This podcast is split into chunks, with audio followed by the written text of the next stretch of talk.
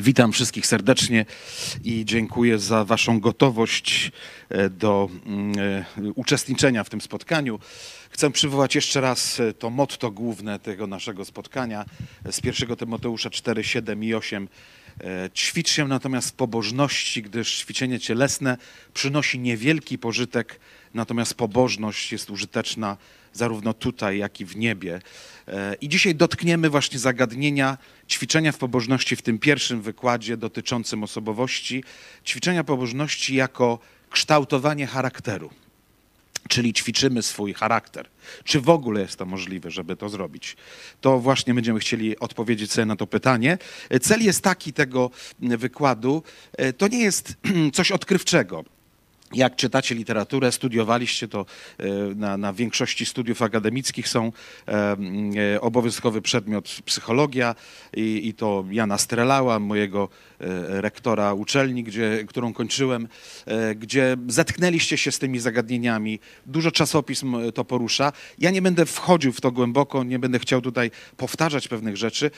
Mój cel jest taki, by przywołać e, e, pewne zagadnienia i odnieść je do Pisma Świętego i zobaczyć, co Pismo Święte mówi na ten temat, o którym mówi psychologia, badacze mm, osobowości człowieka, bo człowiekiem, jego zachowaniem zajmuje się nie tylko psychologia, ale socjologia, mówiąc o społeczeństwach, o grupie wpływowie, wpływom e, grupowym na osobowość i również pedagogika w zakresie wychowawczym. To też dotkniemy w kolejnym wykładzie, który pokaże, jak kształtuje się osobowość we wspólnocie rodzinnej i środowiskowej i tak dalej. Ale dzisiaj chcemy mm, przyjrzeć się właśnie osobowości.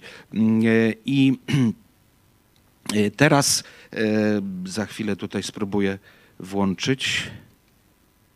Mhm. Tak. Czy jest to widoczne? Tutaj widzę, że jest. Dobrze. Nie wiem, czy odbiorcy e, przez internet widzą slajdy.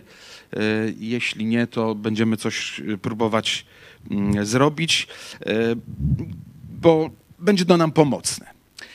Wyszliśmy od stwierdzenia, że apostoł Paweł mówi ćwicz się w pobożności, ale fragmentów mówiących o tym, że człowiek ma pracować nad sobą, może pracować, jest bardzo wiele. Zarówno bardzo realnych, konkretnych, które mówią o konkretnych cechach, nad którymi musimy pracować, ale też mówią w, w sposób e, przenośny, choćby nawet e, drugi Koryntian 10 rozdział, gdzie apostoł Paweł mówi, że mamy moc burzenia warowni. I różnie sobie to ludzie interpretują, czasami e, twierdząc, że warownie to gdzieś tam są dalej, podczas gdy podstawową warownią jest Twoja osobowość, gdzie on się odnosi do myślenia, do sposobu e, decydowania, do wypowiedzi, gdzie dotyczy mnie, nie drugiego człowieka. Ja mam budować tę warownię, a y, podobnie mówi Salomon, który powiada, że y, cierpliwy, więcej wart jest cierpliwy niż bohater, a ten, kto umie opanować samego siebie, więcej znaczy niż zdobywca miasta. I bardzo mocno się odnosi do tego, że cierpliwość to jest zakres moich wewnętrznych wewnętrznych decyzji, przekonań, myśli, kontroli moich uczuć, a jednocześnie mowa o opanowaniu, czyli samokontrola, powściągliwość, czyli jakiś wysiłek muszę włożyć i że nie zawsze rozhamowanie świadczy o mojej wolności, raczej o utracie tej wolności, jeśli pozwalam sobie na to, żeby czynnikiem wiodący były emocje, y, które sprawiają, że mówię, nie wytrzymam, kończy się cierpliwość. Dlatego Biblia bardzo wiele o tym mówi. Jeśli zaczniemy patrzeć z tej perspektywy i czytać pewne historie e, bohaterów biblijnych, odkryjemy mnóstwo ciekawych informacji. Zobaczymy, że jak Biblia jest bogata w te treści, ale co się dzieje? Obserwatorzy, który, którzy nie są wierzący, e, którzy nie zakładają wzmacnienia e, autorytetu Biblii ani wiary w Boga, po prostu są obserwatorami życia, by odpowiedzieć na wiele kluczowych egzystencjalnych pytań, jakie niesie życie. Oni obserwują człowieka i stawiają pewne tezy i dokonują pewnych teoretycznych założeń, które okazuje się, że jeśli studiujemy głęboko Biblię i słuchamy tego, co ludzie obserwowali w dobrej wierze, bo chcą po prostu pomóc drugiemu człowiekowi, okazuje się, że zbliżamy się do siebie, z tym, że my stoimy na pozycji takiej, że Biblia jest źródłem boskiej mądrości tego, który stworzył człowieka na swój obraz i podobieństwo. Zatem niejako wierzący człowiek nawet jest bardziej uprzywilejowany, bo nam bliżej do tego, który nas stworzył, do wzorca i ideału. Tam ten wzorzec jest poszukiwany, ale ponieważ zakłada się, że nie jest nim Bóg, stąd poszukiwania są o tyle trudne i wciąż nieskończone. Ale nie nam osądzać, nie będziemy zajmować się jakimś porównywaniem, ukazywaniem lepszości czy gorszości jakiegoś poglądu, ale chcemy porównać pewne zagadnienia, gdy nauka spogląda w taki sposób, a co Biblia o tym mówi. Wychodzimy od pewnej tego pierwszego zagadnienia osobowość. Co to takiego, gdy patrzymy? Ta, to pojęcie się y, ujawnia w literaturze bardzo często. Różnie jest y, konotowane, różne są powiedzmy motywy użycia. Bardzo często używa się to jako zbiór pewnych cech Osobowość to mm, opisujemy bardzo często po zachowaniu. Nie opiszemy osobowości po twarzy. Czasami tak, oczywiście, jeśli popatrzę na mimiczne e, ruchy, odruchy, ale mogę to zrobić tylko poprzez dialog z drugą osobą. I temat tego dialogu, wtedy będę widział na twarzy jego emocje, będę słyszał tembr jego głosu i stąd już będę mógł odczytywać, że jakie są tam cechy osobowości, ale tak naprawdę osobowość jest dopiero widoczna w aktywności, w relacji społecznej. I co, co to jest osobowość? Nie to, kim jest człowiek. Czasami jakbyśmy poszli na ulicę i zapytali, e, mm, e, e, kim pan jest, no, no jak, no kim? No, no, no pracuję w urzędzie, no, no, skończyłem studia. Nie, nie, nie, chodzi mi o to i w zasadzie, ale jaki pan jest? I tu już będzie, no jaki, ja wiem, ja prowadzę takie rozmowy, bo bardzo często robię takie rekrutacje, gdy prowadzimy taki program e, aktywizacji zawodowej bezdomnych. Jako psycholog przeprowadzam mnóstwo rozmów, gdzie moim zadaniem jest zdiagnozowanie jego poziomu motywacji do zmiany w życiu i, i chęci pracy. I bardzo często właśnie pytam, to jest trudne, ludzie nie potrafią mówić o sobie. I czasami ja podpowiadam, no to jaki pan jest uczciwy, jakiś e, odważny, lękliwy. Aha, i zaczynają wtedy dopiero mówić, i, a jakie są pana dobre cechy? Mm, mamy taką fałszywą skromność niekiedy, wtedy, no ja wiem, no to no, może no uczciwy jestem, powiedzmy, ale jak mówię, to proszę powiedzieć, jakie są negatywne słabości Pana, negatywne cechy. O, to tam czasami wypada mnóstwo, mnóstwo informacji. To też mówi nam wiele już o tej osobie, o jego pochodzeniu. Ale osobowość faktycznie to to, jaki i jaka jestem. I to jest egzystencjalne pytanie, bo człowiek sobie zadaje to pytanie. E, kiedy szczególnie zaczyna sobie uświadamiać w dorosłości, wczesnej dorosłości i później, a kiedy napotyka trudności, kiedy doświadcza porażek, to stawia się pytanie, kim jestem, jaki jestem, co ja mogę, co ja potrafię. I najczęściej, najłatwiej jest wycofać się, powiedzieć, jestem do niczego. To są te uogólnienia, generalizacje, którymi albo siebie obarczamy, albo innych, jeśli chcemy im dokuczyć. Mówimy, jesteś do niczego, jesteś, powiedzmy, e, jesteś głupi, e, albo jesteś beznadziejny. To są bardzo ogólne e, stwierdzenia, ale właśnie tak często reagujemy, dlatego że sami siebie w ten sposób oceniamy. I to jest też forma taka, że podkopujemy sobie, czy kładziemy sobie kłody pod nogi, jeśli chodzi o naszą samorealizację. Bo już zakładamy z założenia, że czegoś nie możemy, jesteśmy słabi. Nie wszystko będziemy mogli, ale mamy zasoby, które pozwolą nam dokonać wielu rzeczy. Tylko najpierw muszę poznać te zasoby, a miejscem tych zasobów jest właśnie między innymi ta osobowość. Jaki i jaka jestem. Osobowość moglibyśmy, e, nie będę używał tu pojęć naukowych, bo to nie jest sympozjum naukowe, badacze osobowości. Ja też nie jestem jakimś ekspertem osobowości. Ja tylko skończyłem studia, musiałem zdać te egzaminy, a przez życie i doświadczenie obserwuję i badam i uczę się coraz więcej osobowości. Zatem będę mówił bardziej takim językiem zrozumiałym, żeby było to prostsze. Możemy podzielić osobowość człowieka na dwie części: temperament i charakter. I cóż to takiego? To są naukowe już takie pojęcia z literatury. Źródła literackie będą na końcu podane. To będziecie mogli też sobie kiedyś sięgnąć w bibliotece do takich miejsc naukowych i poczytać o tym. Ale między innymi Jan Strelau e, pisał takie rzeczy, że temperament stanowi część składową struktury osobowości pod warunkiem, że rozumiemy jako zespół cech. Czyli cóż to takiego temperament? Temperament to jest, inaczej mówiąc, e, dziedzictwo genetyczne które z, mamy po przodkach. Y, y, obrazowo, w zabawny sposób mógłbym powiedzieć, ten człowieczek to niemowlę, taki golasek, który, który idzie z walizką swojej osobowości. Do tej walizki, zanim wyjdzie na świat, ojciec i matka pakują te swoje rzeczy. Znaczy wiemy, jak to wygląda pakowanie, jak e, człowiek powstaje, zatem pracują bardzo mocno i wiedząc czy nie wiedząc, świadomie czy nieświadomie, do tej walizki wpada mnóstwo cech pochodzących od przodków i od samego ojca, i jak i też od matki i jej przodków. I pakują na siłę, ile wlezie, no i ten dzieciaczek wypada z tą walizką na ten świat i się rozgląda i patrzy, co tu zrobić. I pierwsze reakcje, e, dziwne, dziwny jest ten świat, zatem zagląda do tej, do tej walizki albo sama mu się otwiera i wychodzą różne cechy. No i dziecko krzyczy.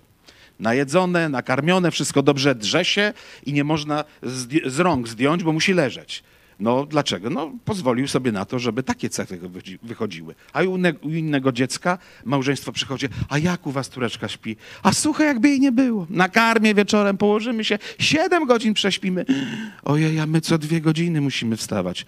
To któreś chore? Nie, zdrowe, tylko już jest widoczna, widoczne cechy osobowości, że prawdopodobnie ten, który nie daje spać, to ekstrawertyk, który da o sobie znać i ten, który zamierza tutaj zapanować w tym domu. On jeszcze nie wie, na czym sprawa polega, ale bada. Jeśli krzyknie i podchodzą, babcia wzięła na ręce, aha, to działa.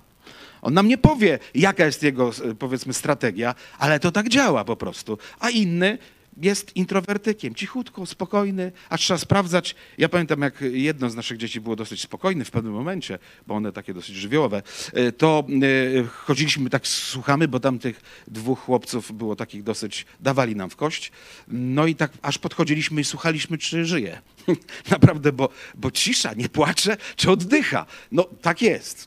Niektóre, rzeczy to nam utrudniają oddychanie, i musimy się nieźle zmagać, a niektóre dzieci rzeczywiście są bardzo spokojne i, i, i to jest. Ale to jest widoczny właśnie temperament. Temperament i cechy już osobowości, które się ujawniają nawet w niekontrolowany sposób. I ta walizeczka jest pełna tych cech, o których nikt nie wie i nie wiem, czy do końca człowiek jest w stanie stwierdzić za życia, jaka jest, powiedzmy, paleta tych różnych cech, które posiadam. Mogę je dostrzec i, i ode mnie wiele zależy, obserwując siebie w pewnych reakcjach, że będę wiedział, jakie mam zasoby, jak mogę postąpić i tam pojawią się adaptacyjne i nieadaptacyjne cechy. To jest pojęcie psychologiczne, bo psychologia generalnie się mm, nie posługuje wartościowaniem takim jak dobre czy złe. My często mówimy, a dobrze się czuję, czy źle się czuję. Ale psychologia nie zakłada, że są dobre czy złe uczucia. Wszystkie uczucia są prawdziwe, najwyżej są przyjemne lub nieprzyjemne. I to samo i tutaj. I używa się, no ale jeśli cechy są dobre czy złe, no bo jeśli ktoś jest nerwowy i krzyczy, to jest dobre, no to zależy od okoliczności, zależy od sytuacji, w której ten, ten krzyk jest może potrzebny. Jeśli mamy e, trenera, który w czasie meczu stoi przy linii i krzyczy na zawodników, no jeśli trener to będzie, Stasiu, kopnij piłkę, no, gwizdy e, powiedzmy wszystkich powiedzmy e, obserwatorów, kibiców, no absolutnie ten Stasiu w ogóle nie słyszy tego trenera i czasami widzimy jak ten trener drze się, że wychodzi prawie z siebie i można powiedzieć, jak on się zachowuje, ale gniewny człowiek, agresywny, no trzeba go leczyć. No nie, w tym momencie jest to jak najbardziej pożądane, żeby ten człowiek, jeśli chce e, przenieść przekaz jakiś od siebie, to musi to zrobić w bardzo konkretny sposób. No gorzej, kiedy w domu krzyczy na żonę w ten sposób. No to już wtedy się trzeba zastanowić nad tym, co ma robić. Czyli widzimy, że mogą być przyjemne i nieprzyjemne, ale adaptacyjne czy nie. Czyli dostosowane do potrzeb okoliczności, czy też niedostosowane. Bo jeśli stoi trzy metry od żony, ona w kuchni jest i, i mówi wyłącz tą wodę, bo się wykipi, a drze się na nią, no to jest niedostosowane, bo można normalnie powiedzieć albo pójść i wyłączyć. To nieadaptacyjne zachowanie. Ale jeśli jest na boisku i krzyczy o 200 metrów dalej y, do człowieka, czy tam 100, powiedzmy, no to jest jak najbardziej dostosowane, bo on musi przekrzyczeć hałas, jaki jest, żeby ten człowiek to usłyszał. I to jest taki, taki przykład, ale to jest właśnie y, y, temperament, który jest dziedzictwem. Temperament jeszcze nie określa w pełni naszej osobowości. My nawet nie znamy bogactwa tego temperamentu. My znamy pewne cechy. Ale drugą częścią jest charakter. Charakter w psychologii jest też nie, e, bardziej jest używany jako pojęcie osobowość generalnie. E, to dopiero w literaturze takiej popularno-naukowej, e, powiedzmy, to wtedy się pojawia charakter, bardziej się o nim mówi, ale pytanie jest, Jak zdefiniować charakter? Co to jest charakter? I kiedy patrzyliśmy na to koło e, temperament i charakter, to możemy powiedzieć, że temperament jest dziedzictwem genetycznym różnych cech zebranych po przodkach matki i ojca. A charakter to jest moje zachowanie polegające na tym, że ja w sposób świadomy lub nieświadomy, pod wpływem chwili, presji, okoliczności, środowiska, wyciągam z tej walizki takie cechy, jakie w danym momencie wydaje mi się, że będą potrzebne. Nie wszystkie będą adaptacyjne, ale niektóre będą takie, że dają mi poczucie bezpieczeństwa. One wcale nie są korzystne dla mnie, bo przykładowo człowiek się wycofuje, milczy, chowa, boi się powiedzieć. I dlaczego tak robi? No bo on się w tym dobrze czuje. Ale to nie jest dobre, dlatego że ten przemocowy, załóżmy, ojciec, który doprowadza do sytuacji, że, że ten synek się wycofuje, chowa, on nabiera nawyku do tego, żeby nie reagować we właściwy sposób w, trudnych okolicznościach. I pytanie, czy to jest pra prawda o nim całkowicie? Nie, bo często widać w szkole, że ten chłopiec przenosi kopię swojego zachowania ojca na słabszych kolegów i wyżywa się nad nimi. I okazuje się, że tam ma wiele odwagi i zdolność wywierania presji, podczas gdy w domu boi się postawić stawić czoła temu wyzwaniu. Zatem charakter to jest zespół nawyków, które w danym momencie mm, e, e, stosujemy. Nawyki to czynności, które są powtarzalne. I to są świadome lub nieświadome. Świadome to takie, kiedy nas wychowują i mówią nam o wartościach, i mówią nam o przyczynach i skutkach pewnych zachowań i motywach, jakie mają przeświecać nam. I chrześcijanie mówią, że e, nie należy bluźnić, no i rozumiem, że rodzice też nie rozmawiają takim językiem, bo nie zadziała, jeśli rodzice przeklinają, ale mówią, że tobie nie wolno bluźnić. Tak jak spalenie. Nie pal synu, bo to szkodzi zdrowiu, powiedzmy, albo nie pij, ja to już zmarnowałem życie, ale ty nie pij. No nie, to, to nie działa. To raczej wizerunek bardziej działa na dziecko, aniżeli e, takie jakieś moralizatorskie treści. Natomiast wychowawcza strona, ona powoduje, że, że utrwalamy pewne, pewne nawyki. Nawyki, czyli powtarzalność pewnych zachowań, które stają się momentami mechaniczną reakcją. I dlatego mądry rodzic, który widzi, że dziecko pod wpływem jego presji, jego reprymendy e, na jego złe zachowanie, widzi, że się wycofuje i zalęknione, mądry rodzic mówi, e, zaczyna się zastanawiać, dlaczego taki jesteś wycofany? Chodź no tutaj. Ja krzyczałem, bo się zdenerwowałem, bo źle postąpiłeś, ale ty się nie chowaj. Posłuchaj, zrozum to nie wolno ci tak postępować. Oczywiście, że są trudności, e, trzeba zamilknąć, ale też nie uciekaj i nie bój się. I pracuję nad tym, że wyciągnąć go z tego cienia, żeby on nie nabierał nawyków lękliwości, bo on potem nie zrozumie, dlaczego nie umie stawiać czoła, dlaczego nie jest asertywny, dlaczego nie, ma, nie może realizować ambicji, dlaczego ma niską samoocenę, bo wychowanie doprowadziło do tego. Czyli czy on temperamentalnie był taki? Nie. Został w jakiś sposób wepchnięty w to, że nabrał nawyków reakcyjnych w określonej sytuacji. Dlatego mówimy o charakterze jako zespole pewnych nawyków, które nabieramy. I na to za chwilę zauważymy, e, e, mają wpływ rozmaite sytuacje. I patrząc na typologię Hipokratesa Galena, bo mamy kilka takich teorii, obserwacji dotyczących osobowości. Jedna z najstarszych, najbardziej popularnych to jest Hipokratesa Galena. To było dwóch gości, którzy przyglądali się i wymyślili pewną koncepcję. No nie, nie. Na pewno tak, że się przyglądali, ale razem nie pracowali. Jeden żył w III wieku przed Chrystusem, a drugi w II wieku po Chrystusie. Zatem Hipokrates był starszy, dawno wcześniej żył, odkrył pewne rzeczy, a Galen, obaj się zajmowali medycyną, mm, antropologią, e, powiedzmy, obserwowali człowieka, jego reakcje, jego zachowania, e, anatomią i obaj dokonywali pewnych wniosków i mieli zbieżne wnioski. Stąd też e, pojęcie się ukuło typologia Hipokratesa Galena. To jest jedna z najbardziej popularnych, które też w czasopismach się powiadają, pojawiają jak choleryk. E, I tutaj e, przyporządkowano pewne kolory. Żółć, sangwinik, krew, flegmatyk mm, jest taka e, flegma, zieleń, no i czarna żółć to e, melancholik. Tak, tak to w ten sposób się przedstawiało. I później widzimy, jest naukowiec radziecki, który, który w 50 latach bardzo mocno pracował nad obserwacją również. On badał układ nerwowy, ale najpierw ten, ten słynny, znany ten pies Pawłowa, który te e, e, mechanizmy behawioralne bardzo mocno i ładnie odzwierciedlał, że, że psy się ślinią nie tylko na, na widok jedzenia, ale na inne czynniki, które podczas tego jedzenia zaszły. Czyli jeśli był dzwonek albo jakieś pukanie w czasie jedzenia, to czyli jak będzie ten pies oddalony, ale posłucha to pukanie, tak samo może się zacząć ślinić, jakby był przed jedzeniem. I on tak postrzegał i zaczął obserwować też człowieka, jego układ nerwowy i na podstawie właśnie typologii Hipokratesa Galena odkrył i ujął to zagadnienie w taki sposób, że, że ten e, melancholik to jest człowiek słaby, ta czarna żółć. I w istocie, gdy popatrzymy na melancholika, że to jest człowiek, który cierpi, tak jak e, nie wiem, czy mieliście sytuację, gdzie zerwaliście skórę z palca, załóżmy, albo gdzieś tam na ciele, skóra, nie na skórek, ale skóra. E, czy pamiętacie sytuację, że jak się podmuchało, to bolało? Dlatego, że tu, tu wrażliwość tych, tych, tych powiedzmy receptorów była na wierzchu i, i bardzo powiew wiatru bolał, polanie wodą bolało, dlatego, że to było odkryte. To dusza melancholika jest jak oberwany ze skóry palec. On cierpi przez samo oddychanie i bycie. Jego wiatr zabija.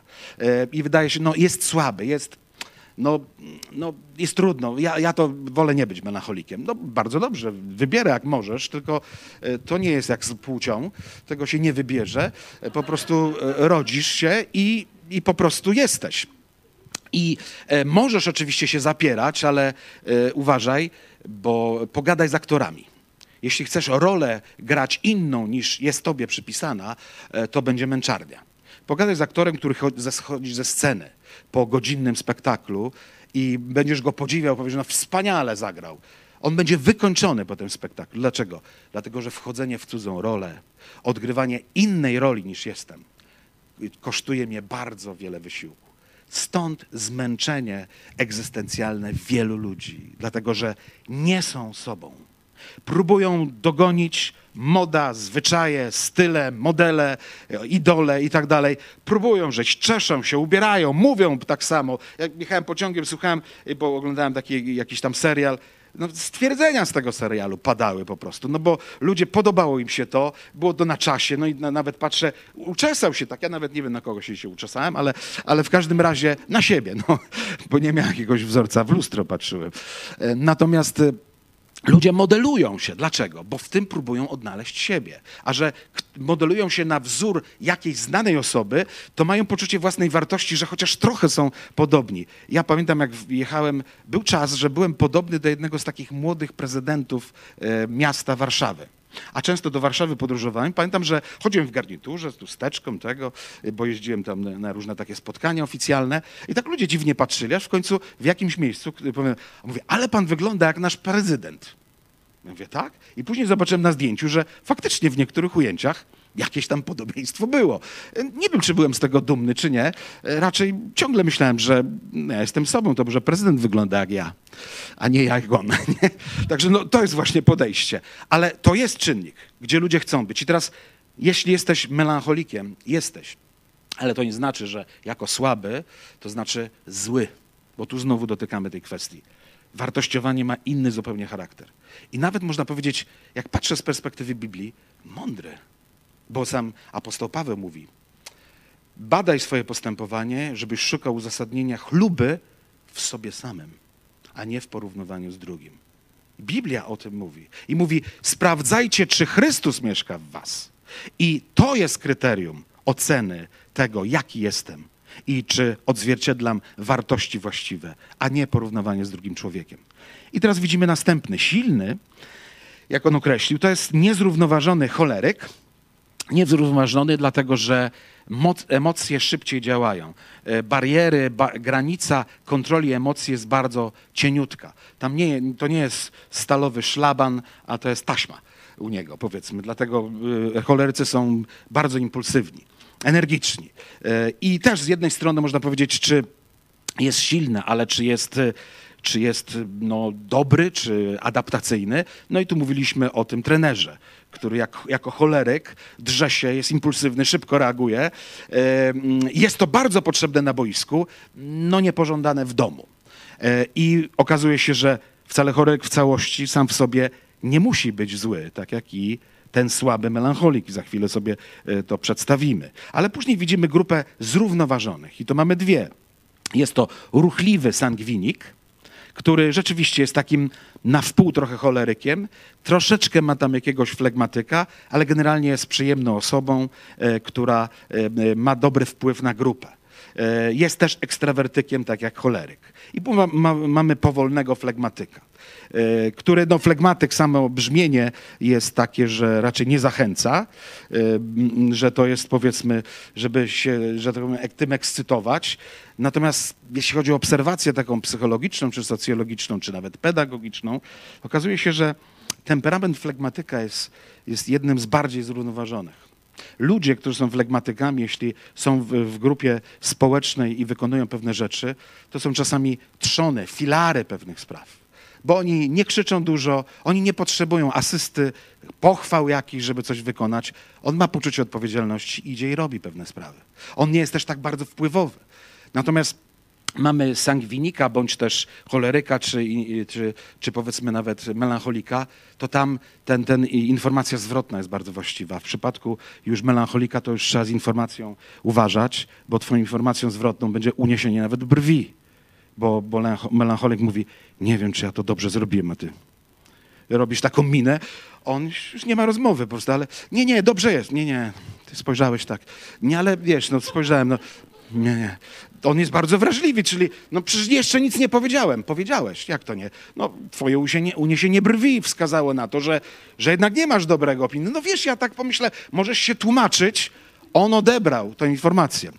Z cholerykiem to musisz krzyczeć mu konkretnie i on wtedy doceni, bo jak mówił, że nie, dobrze, no co dobrze? Y, no, no to, że zrobiłem, co ja dobrze zrobiłem? Ale jak mu powiesz, świetnie, w porządku, mógłbyś tam zmienić, to, to, to wiesz, to odpada, do bani było to, to jest twoje stwierdzenie. Tak, do bani? No tak, no, dobra, dzięki, dzięki. No cholerek jest taki, do niego szorstko trzeba, zdecydowanie, on rozumie.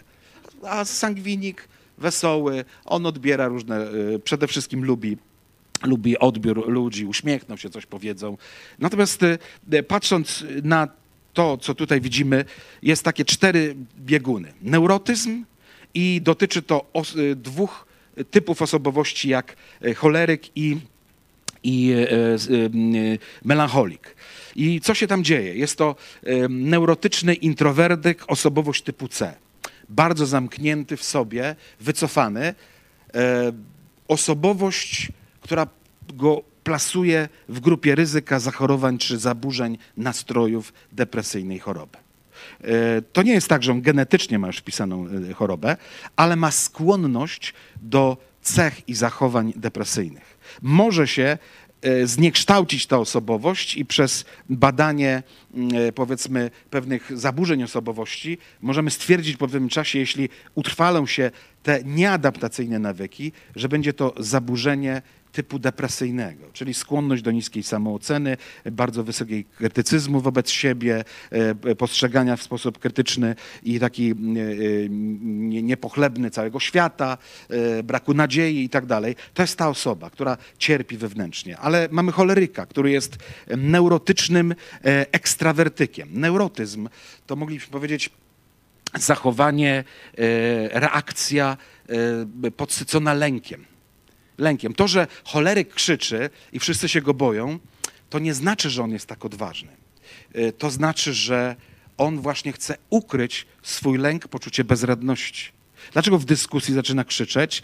Bo może zaczynać brakować argumentów i argumentacja podniesionego głosu, intonacji czasami zatyka usta, ktoś nie chce już rozmawiać, wycofuje się i on jakby ma poczucie zwycięstwa w tej rozmowie, że dałem, ja mu powiedziałem konkretnie i tak dalej. No, jemu się wydaje, że jak ktoś zamilkł w tej dyskusji niedokończonej, e, ze względu na to, że on to powiedział głośno albo nawet zwulgaryzował, że on wygrał tę dyskusję. No to jest jego iluzja.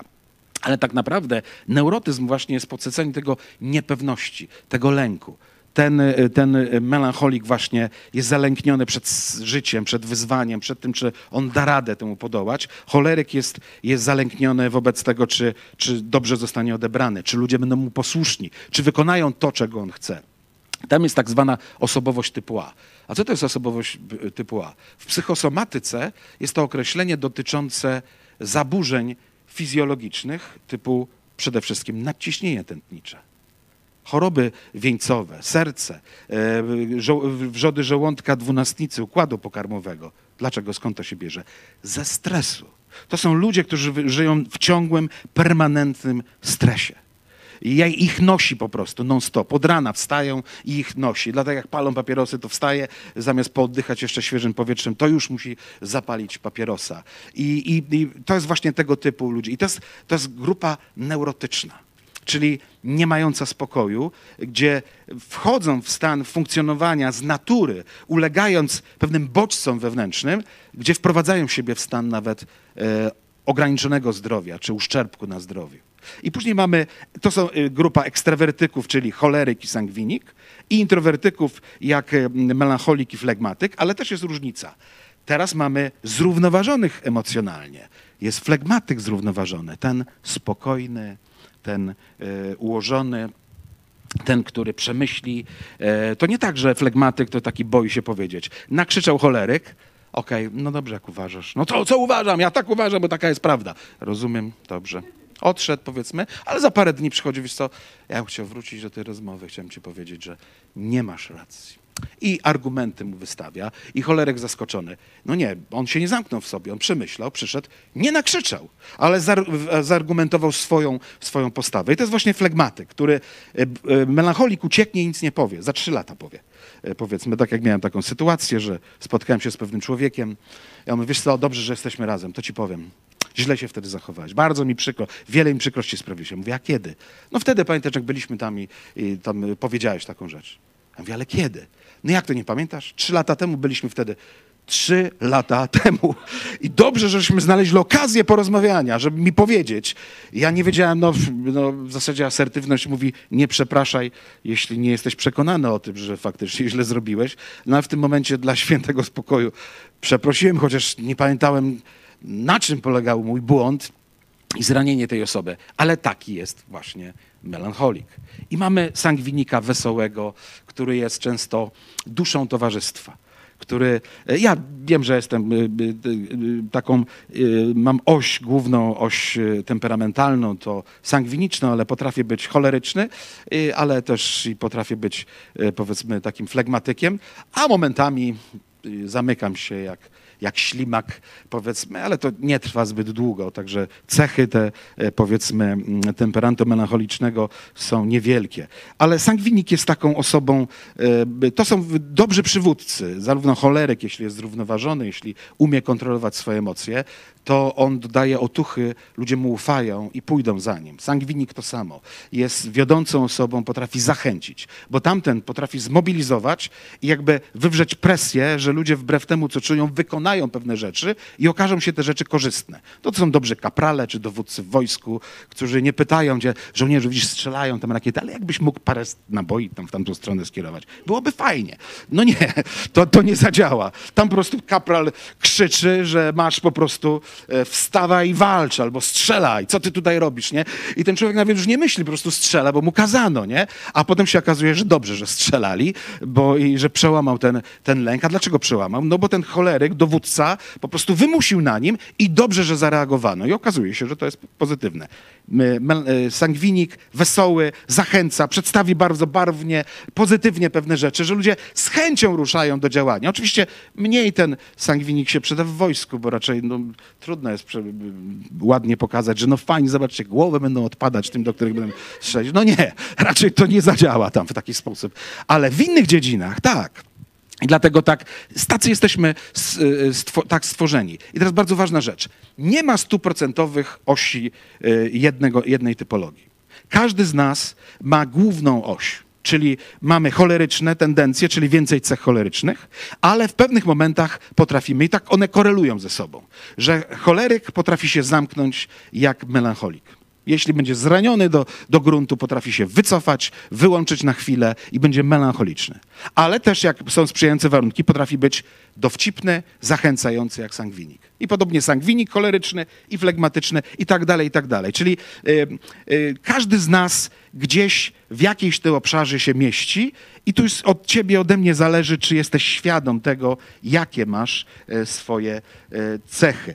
Y, tu jeszcze w kontekście tych badań e, stwierdzono, że ekstrawertycy charakteryzują się wysokim poziomem impulsywności i niskim poziomem lęku. Oni są otwarci. I oni e, przełamują lęk, stres, jakieś takie zwątpienie, brak wiary w siebie i przedstawiają swoje argumenty. Introwertycy mają z kolei bardzo e, dużo lęku mm, e, i mniej impulsywności. Ich coś denerwuje i drażni, ale oni się boją to ukazać. Później osoby zrównoważone emocjonalnie mają małą impulsywność i niski lęk, czyli są zrównoważone, czyli zdają sobie sprawę z trudności, z wyzwań, z zagrożeń jakichś, ale wykonują pewne czynności i i również e, mają zdolność powściągliwości, samokontroli, żeby nie popuścić e, e, swoim emocjom, ale tak jak mówię, więcej wart jest cierpliwy niż bohater, kto umie opanować samego siebie, więcej znaczy zdobywca miasta. I neurotyczne osoby po prostu mają wysokie te wskaźniki i lęku, i, i, i impulsywności. I później mamy taki autotest możemy zrobić.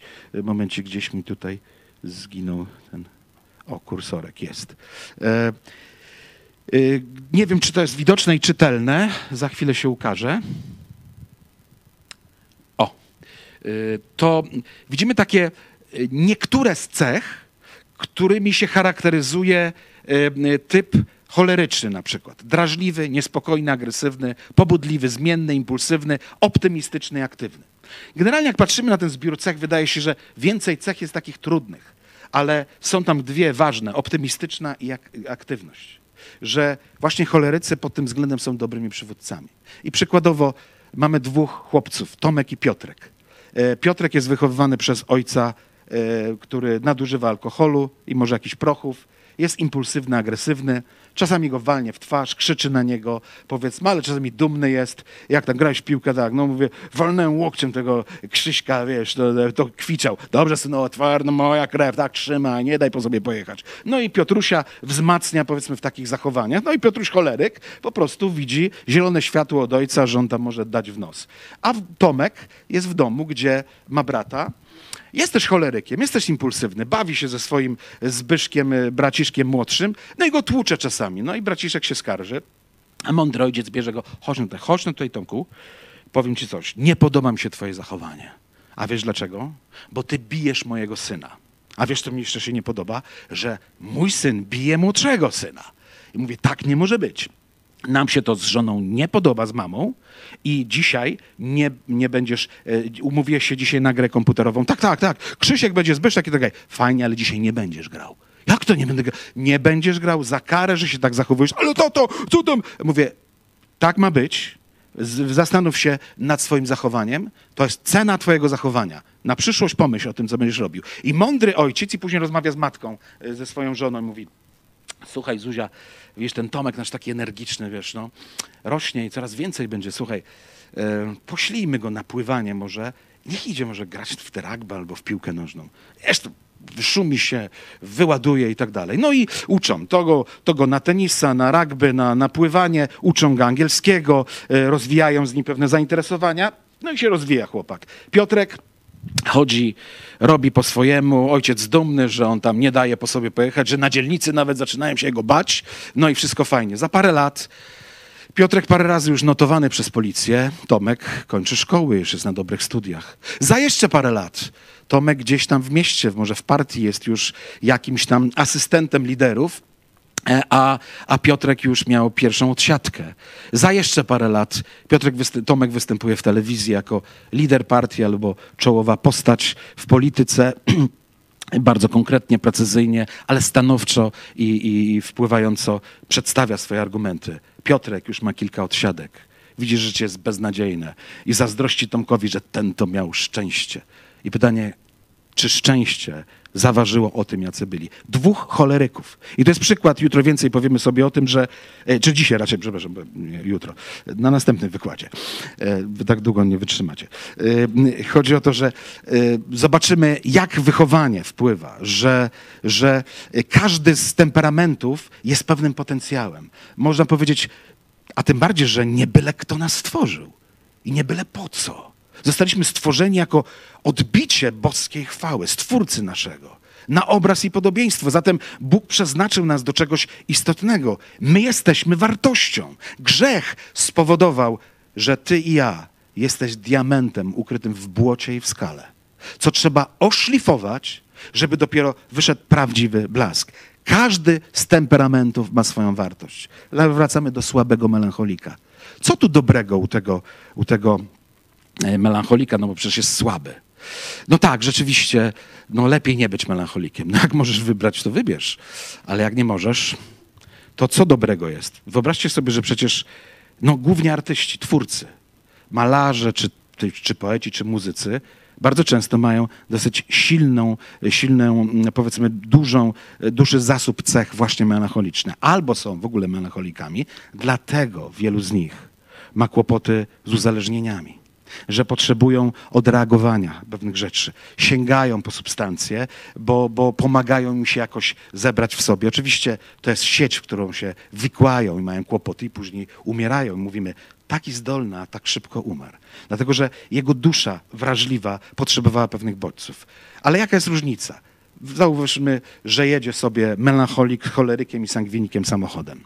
Jadą, wyglądają, rozglądają się, patrzą, deszcz pada, wiatr, powiedzmy trawa się kładzie, liście spadają, powiedzmy cholerek z sangwinikiem siedzi cholerek, ale do niczego ta, ta pogoda, to za psia pogoda, ta się wychodzić nie chce, dobrze, że jedziemy, aż mi się patrzeć na to wszystko nie chce, to było chlapa, wieje wiatr, a sangwinik, no tak, to jest beznadziejna, trzeba się dobrze ubrać i, i w ogóle wyjdziemy z samochodu szybko, trzeba do hotelu i tak dalej.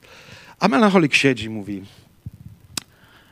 przyroda oddaje Bogu chwałę trawy czynią pokłon swojemu Stwórcy, muskane wiatrem po grzbiecie, a liście unoszą swoją chwałę do nieba. Jak on to zobaczył?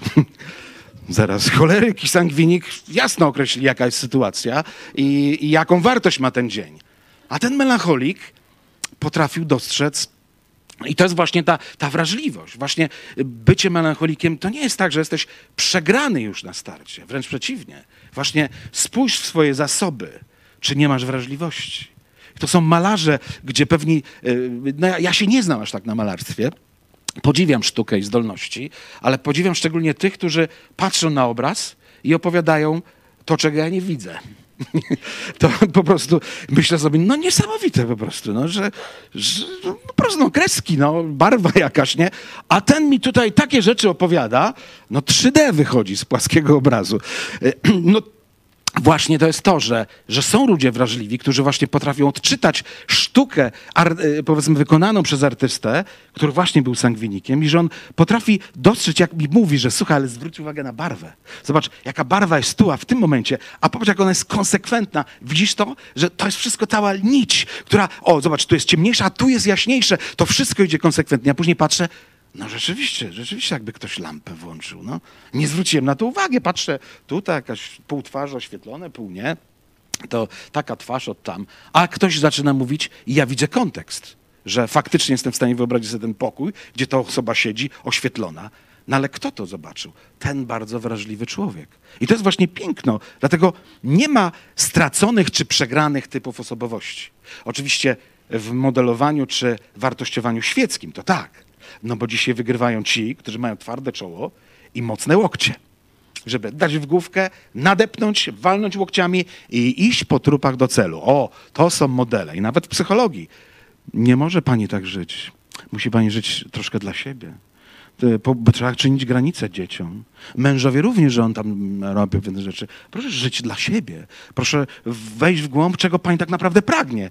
I bywają sytuacje, że tak się rozhamowują pewne kobiety, które nie doceniają czasu wychowawczego i bycia w domu z dziećmi i tworzenia ciepła rodzinnego na tym etapie rozwoju rodziny, że robią rewolucję, wolą wynająć opiekunkę, żeby, e, że tak powiem, wychowywała dzieci, a same postanawiają w tym momencie robić wielkie kariery i potem dziwią się, że nie rozumieją się z tą nastoletnią córką, która ma różne wyobrażenia i pragnienia, a gdzieś zgubiła ten okres, straciła język komunikacji z tą osobą. No widzi, że jest pieniądze, jakieś inne rzeczy, krzyk, można jakoś zadziałać, ale to, to jakoś nie działa. I to jest właśnie to, że mm, jeśli zgubimy się, jeśli zaczynamy myśleć o sobie, że ja nie chcę być taki, jaki jestem, to zastanów się, e, bo tak może być. To jest też może być trafna samoocena.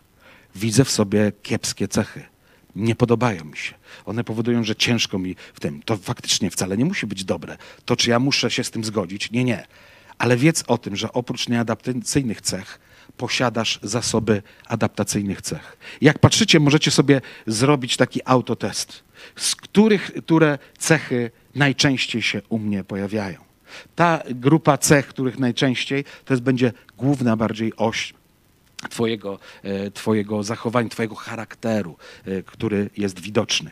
E, to w dalszym ciągu są to takie bardziej naukowe. Mamy pięcioczynnikowy model i tu mamy mm, powiedzmy takie pięć obszarów, gdzie to już się nie, nie, nie odnosi do y, genetycznego uwarunkowania, czyli y, do przodków, ale mówi nam o osi oddziaływania, o dwóch biegunach. Każdy, każda z tych cech działa w takich, na, na przestrzeni dwóch biegunów.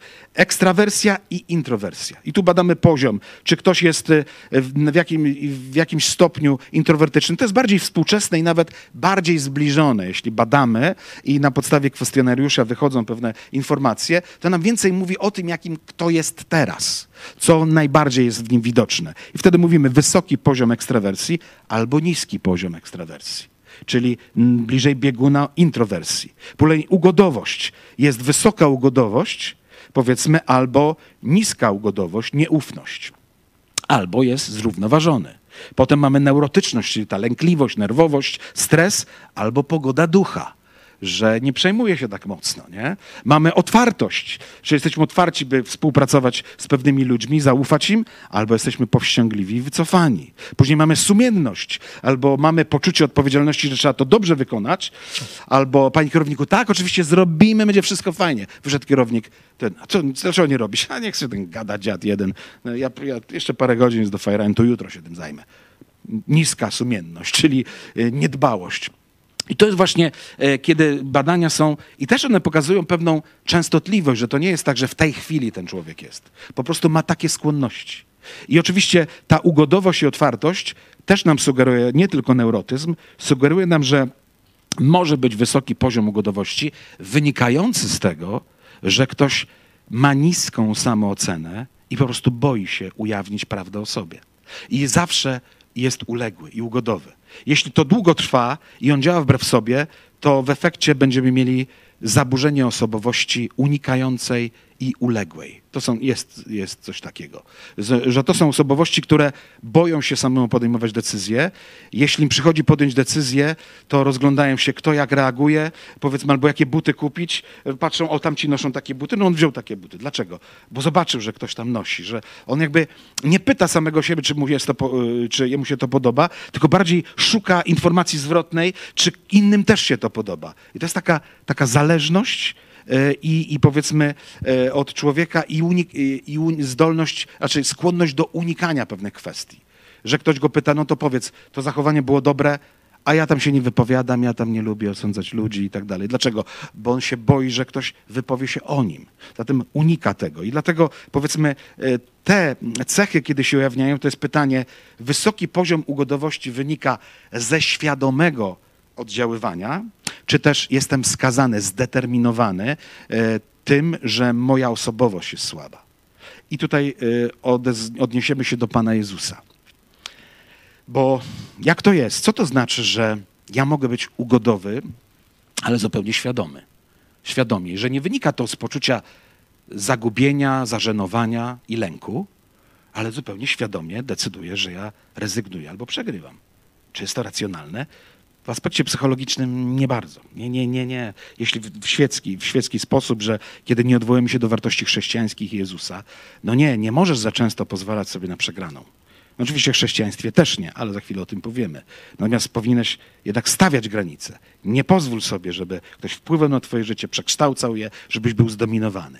Okej, okay. co nam Jezus mówi? A Jezus powiada w 11 rozdziale Ewangelii Mateusza, e, w 27 i dalej, że przyjdźcie do mnie wszyscy, którzy jesteście spracowani i obciążeni, a ja wam dam ukojenie dla dusz waszych. Weźcie ode mnie jarzmo e, i brzemię i uczcie się, że jestem cichy i pokornego serca. Piękna treść. Jeśli nie znam historii życia Jezusa z Ewangelii, cichy człowiek zapewne był. No nie, czytam, że płynie łódką po nakarmieniu kilku tysięcy. Próbuje się zdrzemnąć, ale słyszę, że tam dyskutują apostołowie i mówią, że chleba nie mamy. Dobijemy e, po zmroku do drugiego brzegu, co będziemy jedli. I za chwilę czytamy, oburzył się. No ktoś mówi, no ale oburzy. Jezus tak się oburzał, to on tak, tak, tak ładnie się oburzał. On tak powiedział, e, e, na przykład mówi do, do apostołów, cóż ja mam z wami, rodzie bez wiary. No właśnie, no, czy nie widzicie, że ja przecież tam rozmnożyłem? Nie, nie, tam jest powiedziane, że oburzył się. Nawet być może uniósł głos. Co ja mam z wami, rodzie bez wiary? Czy nie pamiętacie, co się wydarzyło? Ile koszy zebraliście? Ilu ludzi nakarmiliśmy? On niemalże krzyczał. Mówi, jak długo będę was znosił? I cichy i pokornego serca. No jeśli mocno chcemy przyporządkować, że on jest bardzo cichy, no to będzie karykatura Jezusa. O rodzie bez wiary, żeby nie urazić, nie? Bo jeszcze nie daj Boże opuszczę mnie, gdzie ja apostołów znajdę. No nie, Jezus nie był taki. A drugi przykład, no to już w ogóle jest taki, że wszedł do świątyni i zobaczył, co się dzieje. Że arcykapłani z handlarzami postanowili lepiej zarobić. Czyli wpuścili na teren e, świątyni niektórych handlarzy, z którymi się ułożyli, że nie będziemy przyjmować owiec od kupców, którzy sprzedali przed świątynią, tylko od was. I dlatego zrobimy sobie, powiedzmy, monopol na, na obrót e, sakralny. Czyli jeśli ktoś przynosi baranka, to tylko tego, który jest kupiony od was, ale wy za to nam kaskę odwalicie. Takie tło było tego, dlatego Jezus się oburzył. Po pierwsze, e, po drugie to to, że to miejsce było przeznaczone dla pogan i innych jako miejsce modlitwy, a nie handlu. Handel miał się odbywać poza świątynią. I teraz Pan Jezus przychodzi i tam jest powiedziane e, z uplótł bicz Y, wiążecie warkocze, szczególnie kobiety. E, można z dwóch albo z trzech, powiedzmy. Spróbuj, ile czasu ci zajmie e, uwiązanie bicza, żeby, no, żeby on był dosyć długi i żeby sięgnął kogoś tam od metra nawet, nie? No to weź ten metr bicza. To trochę trwało. Co to znaczyło? Jezus przyszedł i patrzył. Wziął te sznurki, nie wiem, czy skórzane powrozy jakieś tam, czymi, którymi były przywiązane zwierzęta, patrzył na to, co się dzieje i wiązał. Patrzył i wiązał to trwało. To są właśnie pytania, które można będzie zadać kiedyś w niebie. Jak to było, Panie Jezu? Ile czasu ci zajęło uplecenie, powiedzmy, bicza? Co się w tym czasie działo? Co ty myślałeś o tym? Jezus jako stuprocentowy człowiek wiązał, wiązał i co później się y, zadziało? On, a masz, a kysz wy, zbójnicy, robicie jaskinie zbójców. No, i już więcej nie powiem. I poszedł, nie? Obrażę się. No nie, znowu widzimy karykaturę, że co to Jezus, taki mięczak, on pokorny, on każe nadstawiać policzek.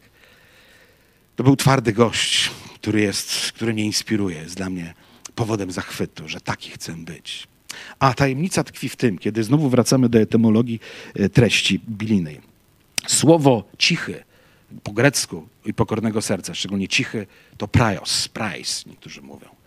No i to słowo co oznacza? Skąd ono pochodzi? No bo y, to nie Nowy Testament stworzył Grekę, tylko wykorzystał już dobrze rozwinięty język ówczesnego świata basenu Morza Śródziemnego.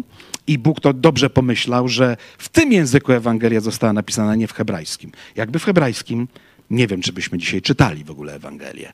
Ale Bóg właśnie dlatego założył, że Ewangelia wyszła ze środowiska żydowskiego, z języka hebrajskiego, przeniosła się na grecki. I kto to zrobił? Żyd, który był biegły w Grece i znał literaturę grecką, czyli apostoł Paweł, kiedyś zwany Saulem.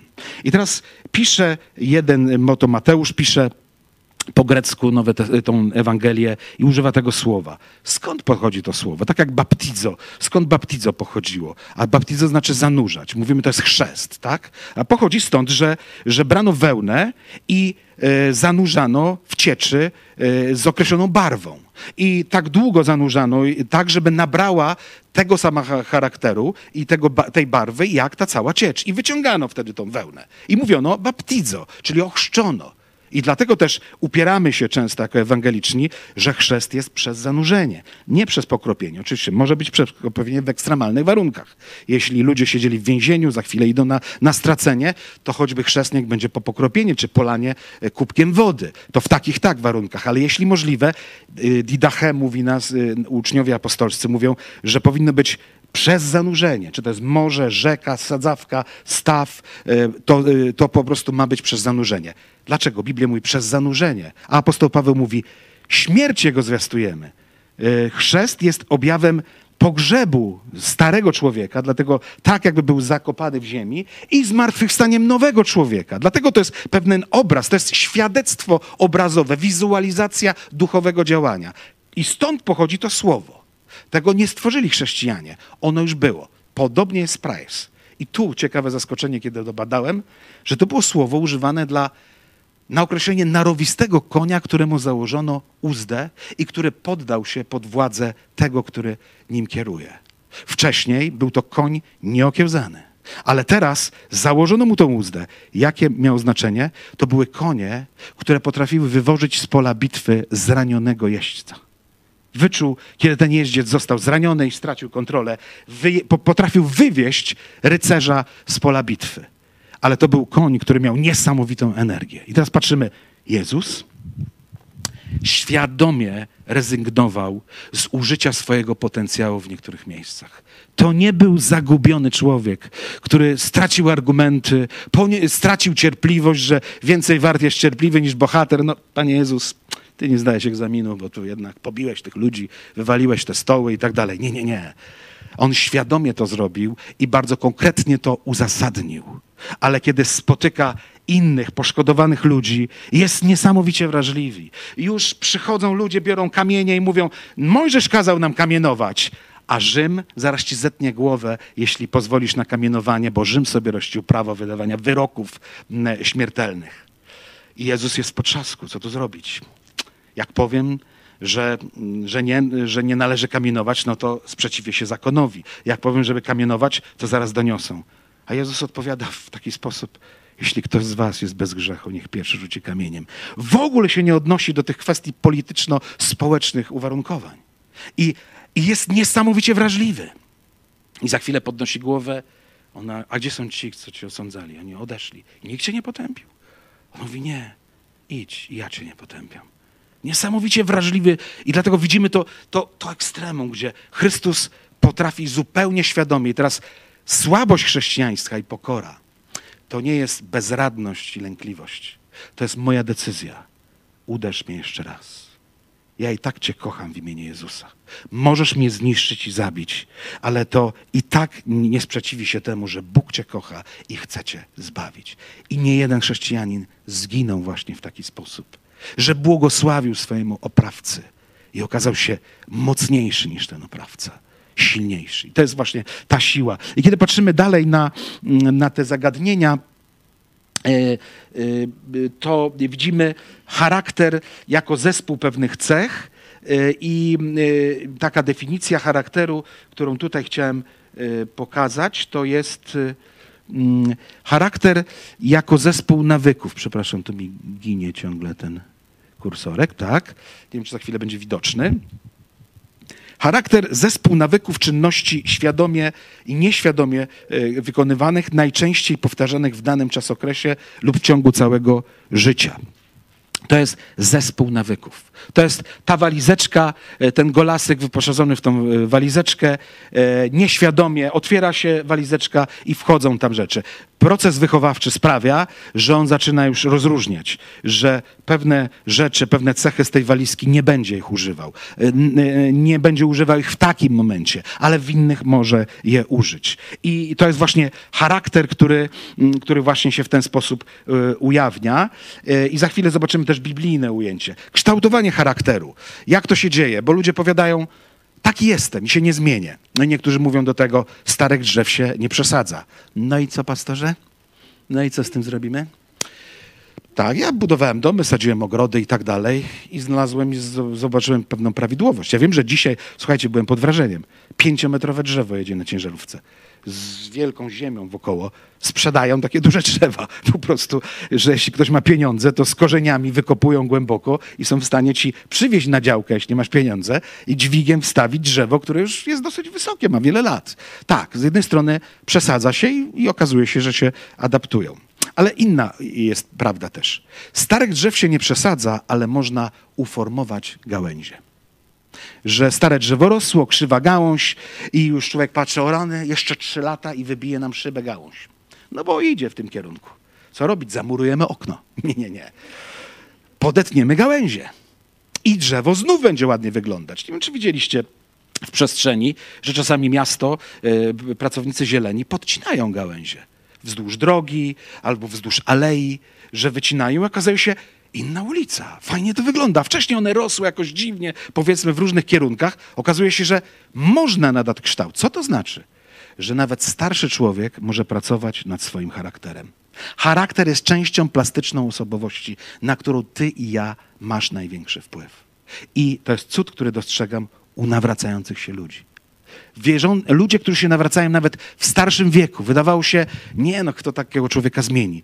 Pod wpływem działania Ewangelii, Ducha Świętego, jego posłuszeństwa Bogu, raptem się okazuje, że on przestaje się zachowywać tak, jak się kiedyś zachowywał. Czasami wraca do złego zachowania. Jeśli w cielesny sposób oddala się od Boga, to wraca z mora przeszłości. Ale jeśli kontroluje to, to um, umie się upokorzyć i, i wyznać swój grzech. Czyli yy, yy, mamy wpływ na charakter. To jest część plastyczna, którą przez całe życie możesz e, kształtować. I to jest właśnie moja nadzieja i moja idea właśnie, e, e, nad którą pracuję, żeby być jak Jezus. I chociaż mogę popełniać błędy, ja mogę przez pokutę na nowo rozpoczynać i iść dalej. Ja mogę brać poprawkowe egzaminy w szkole Chrystusa, żeby naprawić to, co mi nie wychodziło. Zawsze jest nadzieja, a po mojej stronie stoi mój trener. Patrzcie na dokończyciela, sprawcę i dokończyciela waszej wiary gdzie patrzcie na Jezusa, że On jest przy mnie, On jest blisko i On pozwala mi popełniać błędy, uczyć się na nich, rozwijać się i iść dalej do przodu. I to jest czynność, która powoduje, że życie nie jest nigdy nudne i zawsze jest wartościowe.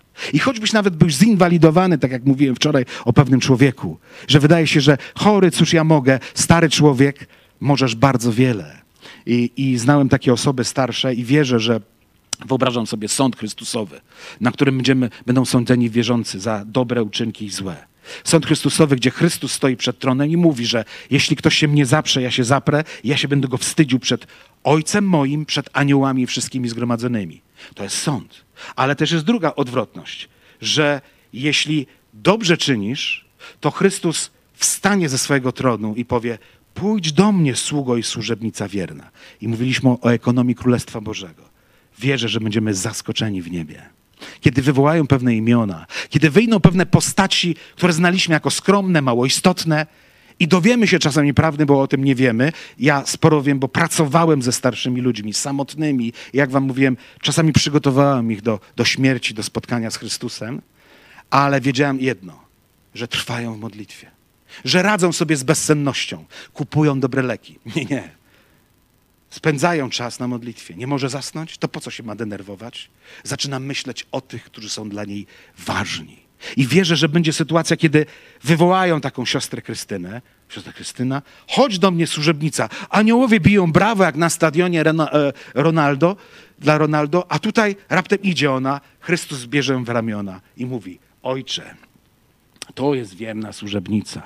Miała wiele dolegliwości, była samotna, miała mnóstwo kłopotów, ale nie ustawała w modlitwie za Twój Kościół, który został moją krwią wykupiony. Dzielna, wytrwała służebnicza, aż odeszła z pola bitwy e, z, podczas swojego działania. I to jest właśnie przykład, że nasze ograniczenia nie ograniczają mocy boskiej. I po pierwsze, mamy wiele wpływu na to, żeby wykorzystać maksymalnie nasz byt. Twoja kondycja fizyczna nie stanowi, nie musi stanowić tego, że twój byt lepiej będzie wykorzystany. Kto ma wpływ? Dziedzictwo genetyczne, rodzimy się, dostaliśmy e, bagaż od rodziców. Ja sam zaczynam Albo decyduję się, że jestem posłuszny rodzicom, albo upieram się i po swojemu to robię. Rodzice mają gehennę, a ja popełniam błędy i jest po prostu piekło. Wychowawcy, najbliższe otoczenie, albo są mądrzy wychowawcy, dobrzy koledzy i ja mądrze postępuję, albo mam kiepskich kolegów, kiepskie wzorce i fatalnie postępuję i się pogarszam. Albo kultura danego kraju, zależy. Mieszkam na dzielni, gdzie dres jest wyznacznikiem mojej pozycji e, spotkania, albo mieszkam w środowisku, gdzie ludzie się szanują, mówią sobie dzień dobry, gdzie, e, gdzie koledzy i koleżanki interesują się różnymi sprawami, podróżują, czytają książki, rozmawiamy o tym, oglądamy jakieś filmy. Zupełnie mamy inny świat pojęć i wartości. Zależy, to jest kultura danego środowiska. I oczywiście czasami ona nie jest od nas zależna. Czasami rodzimy się w danym miejscu, wychowujemy, nie mamy wpływu na to. Ci ludzie są dla nas wartościowi, fajni, cudowni, ale nawrócenie sprawia, że człowiek widzi, że nie, to źle się tam dzieje. Źle się tam dzieje i wychodzi z tego środowiska, ale wielu z nich wraca, tak jak nasi ludzie. Wyszli z, jako bezdomni, jako dawni alkoholicy, wyszli z tego, poszli trochę do świata popracować wrócili do nas z powrotem, mówią, czy oni mogą służyć tutaj. Zatrudniamy ich i kiedyś pamiętam, wchodzę, śmierdzi, bo człowiek taki był dosyć brudny, przywieziony a on mówi, pastorze, w maseczce, jeszcze nie trzeba było nosić maseczek, on nosił jednak i lepiej. E, I, I po prostu mówi, że proszę nie wchodzić, bo tutaj śmierdzi. A on mówi, tak, no tak faktycznie śmierdzi, to już nie będę tam wchodził, nie? On mówi, ale co z tobą? On mówi, pastorze, przecież ja byłem taki sam. A wy mnie przyjęliście, umyliście i daliście mi szansę. Mówi, ja to robię, bo mam nadzieję, może ten człowiek tak samo doświadczy tego. Niesamowita motywacja. Nie pieniądze, nie pozycja, nie szacunek innych ludzi, tylko to, że zobaczył, że on swoim życiem, które było zmarnowane dotąd, może usłużyć komuś i widzi w tym nadzieję, że wyciągnie z popiołu, z błota co, kogoś, kto przez świat jest przekreślony jako śmieć. I to jest właśnie to, że wcale kultura nie determinuje Twojego, Twojego kształtu osobowości. Jeśli nieświadomie się poddajesz, to będziesz zdeterminowany. No stąd jestem i będziesz co drugie słowo przy, przecinki tam wstawiał i tak dalej. No tak jestem wychowany i tak dalej. Ale to ty zdecydowałeś, że nie chciałeś się wychowywać. Potem względnie stałe warunki osobowości, yy, okoliczności. Yy, jeszcze dotknę jeszcze kwestii yy, i na koniec podsumuję biblijnymi wersetami. Mamy kolejne ujęcie. Higgins, jest to bardziej już współczesne, 90 lata obserwator, badacz, który patrzył na zagadnienie mm, relacji ja z obiektem. To znaczy, że człowiek e, w tym kontekście społecznym. Mówiliśmy sobie, że człowiek to jest, ma jedność biopsychospołeczną. Jesteśmy biologia, fizjologia nasza, jest psychika, stany psychiczne, to znaczy uczucia i myśli i mamy, e, i one są połączone z odbiorem tym fizjologicznym, no jak się boimy, to drżymy, jak się cieszymy, to czujemy się rozluźnieni, ale mamy aspekt społeczny, jesteśmy między ludźmi. Jakoś nas ci ludzie odbierają, my wywieramy wpływ, zostawiamy jakiś ślad po sobie, czyli te, te sfery są ze sobą połączone. I, I właśnie tutaj ta ja, e, to ja, czyli ja osobiście w relacji z obiektem. I tu mówiliśmy wcześniej, jakie obiekty mają na nas wpływ. Rodzice, środowisko, kultura i tak dalej. I teraz e, on dostrzegł taką rzecz. To jest to oczywiście teoria, ale jest wiele na rzeczy. Ja realne, czyli jest taka prawda głęboka w nas samych, którą może nie w pełni znamy, ale w jakimś stopniu znamy siebie. Ale bardzo często ta prawda jest bolesna, kiedy koncentrujemy uwagę, uwagę na negatywnych cechach. Ale oprócz tego ja, jeszcze w nas jest ja powinnościowe, ja idealne. Ja powinnościowe to są oczekiwania środowiska i wychowawców. I one stoją w pewnym takim konflikcie wewnętrznym między ja realnym. Ale oprócz tego jest ja idealne, że jestem świadom swoich kompleksów, chciałbym być innym. I tu stąd pochodzi to, o czym mówiłem. Czeszemy się, jakoś ubieramy, podobnie jak gwiazdy, e, nam się lansuje, mówi nam, co jest dobre, co jest piękne, co też jest pewnym, e, powiedzmy, manipulacją e, wartościowania tego, co jest piękne i dobre, bo jak patrzymy na osoby niepełnosprawne, które się urodziły niepełnosprawne i które są jeszcze świadome, i teraz czytają Psalm 139, jak wspaniale mnie stworzyłeś. To tym ludziom trzeba wykreślić ten werset, bo po co mają się denerwować? No bo wspaniale to pojęcie dosyć względne w ich przypadku. No nie, nie, Pan Bóg się wcale nie pomylił. No jak nie? No, no weź nie mów mi, że człowiek po on, on ładnie wygląda. No, tamta modelka tu z afiszu, no to, to ładnie wygląda, ale ta osoba, no ale kto ci o tym powiedział, że modelka ładnie wygląda? No jak to? No wszyscy o tym mówią. A co z wszyscy? Ten świat tworzy, y, segreguje pewne rzeczy, narzuca ci, uczy cię i mówi, co jest dobre, a ty w to wierzysz i ufasz temu. To, a Biblia co mówi na ten temat? Że nie ma znaczenia, to jesteś stworzeniem. Tak sobie Bóg postanowił, że ciebie takim stworzył. I przez to nie tracisz niczego. Jesteś super wartościową osobą w oczach Bożych. I tak jak mówiliśmy wcześniej, Twoja pozycja i forma bytu i ograniczenia w niczym Bogu nie przeszkadzają, żeby odebrać sobie chwałę. Dla Niego jesteś piękna i piękny ze wszystkimi wadami. Dlaczego? Bo tak sobie zamyślił, że Ciebie stworzył. To jest Jego kryterium, to jest ekonomia Królestwa Bożego. My dajemy się oszukać, ranimy samych siebie i innych ludzi ranimy. Bo przecież nie od nas często zależy, że mamy grubszą kość, krótszą, dłuższą, szersi, mniejsi, wyżsi. Robimy się na Ken i Barbie, ponoć to już przeżytek, ale przywołam. E, na te modele powiedzmy i nie pasujemy do tego, no bo nie jesteśmy tacy. Pigmeje no nie podskoczą za wysoko do innych, którzy z kolei mają około dwóch metrów, nie? E, choćby nie wiem, jak się starali, po prostu taka jest ich natura. To co z tym zrobić? No pewna grupa ludzi na tym świecie e, są brzydcy. To jest takie założenie.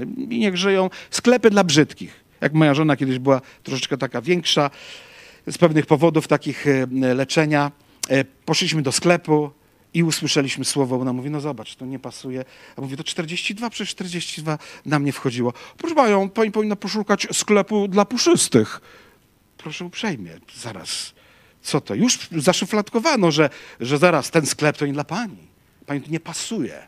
My mamy tutaj dla, dla ładniejszych osób. I to jest ten świat, gdzie jesteśmy zranieni, ranimy siebie nawzajem, podczas gdy boskie spojrzenie jest zupełnie inaczej. I mamy właśnie to ja realne, takim jak nas Bóg stworzył ale z racji wpływów zewnętrznych, ja powinnościowego, że ktoś czegoś od nas oczekuje, albo ja wyidealizowanego, dlatego że ktoś nam pokazuje i nęci nas jakimś obrazem, następują konflikty. I co mamy?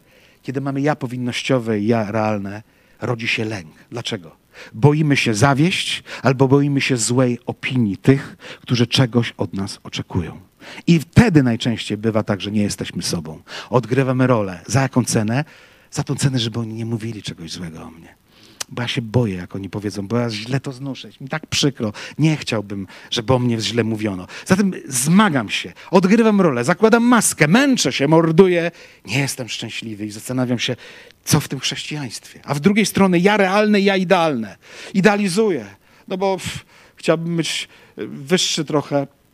Ja nawet byłem w, w takim y, kurorcie na Ukrainie, to jest mm, e, Truskawec. Zachęcam, zresztą bardzo fajne miejsce do wypoczynku i, i tam wykupiłem sobie masaże i takie rozciąganie kręgosłupa. I mówię mojej żonie, słuchaj, za tydzień będę o 10 centymetrów wyższy. no bo leżałem rzeczywiście takie madejowe łoże i ciągnęło to powiedzmy codziennie po pół godziny, rozciągało, rozciągało, rozciągało. No ale moja żona jakoś nie widzę. No wiesz, bo trzeba długo iść, ja dużo po schodach chodzę, jak wracam, to się wszystko zdeptuje. no nie, no nie wydłużę siebie. No, będę jaki będę, jestem jaki jestem. No jeszcze mam może wpływ na to, żeby może obwód był mniejszy lub większy. To jeszcze jestem w stanie kontrolować, o ile chcę. To, to tak będzie. Natomiast w innych przypadkach nie. Zatem pytanie o ideały i stąd wracamy do punktu wyjścia, o którym mówiliśmy. Kim jest Jezus dla ciebie? Czy widzisz ten ideał? No chcesz być podobny do Jezusa? Chyba Jezus był szczuplejszy. Miał czarne włosy i czarną brodę, tak? A skąd wiesz? No, obrazy o tym mówią, tak? Obrazy kobiet, które były modelami dla malarzy, którzy malowali Jezusa. To tak wyglądał Jezus. A te obrazy z którego wieku? Z XVI? 15, 13, to dobrze zapamiętali. To dzisiaj zdjęcia się nie utrzymają po takich wiekach, ale obraz, pamięć ludzka tak pamięta Jezusa. No bzdura. Znowu wchodzimy w świat iluzji, którym się karmimy i, i myślimy, że to jest prawdą. No nie. Jezus nie mówi o obrazie fizycznym jako twarzy i sylwetce. Mówi o osobowości. Na tym się skoncentruj. I niech to pokaże ci odbicie. Nie wiem, czy mieliście takie wrażenie i spotkaliście ludzi, że byli piękni wewnętrznie. Z zewnątrz wrażenie takie, takie sobie, takie dziwna twarz, taki uśmiech. Ale poznaliście ich bliżej i pokochaliście ich nie dlatego, nie widzieliście już żadnych wad. Dlaczego? Bo piękno ich serca, ich duszy przeważyło o wszystkim.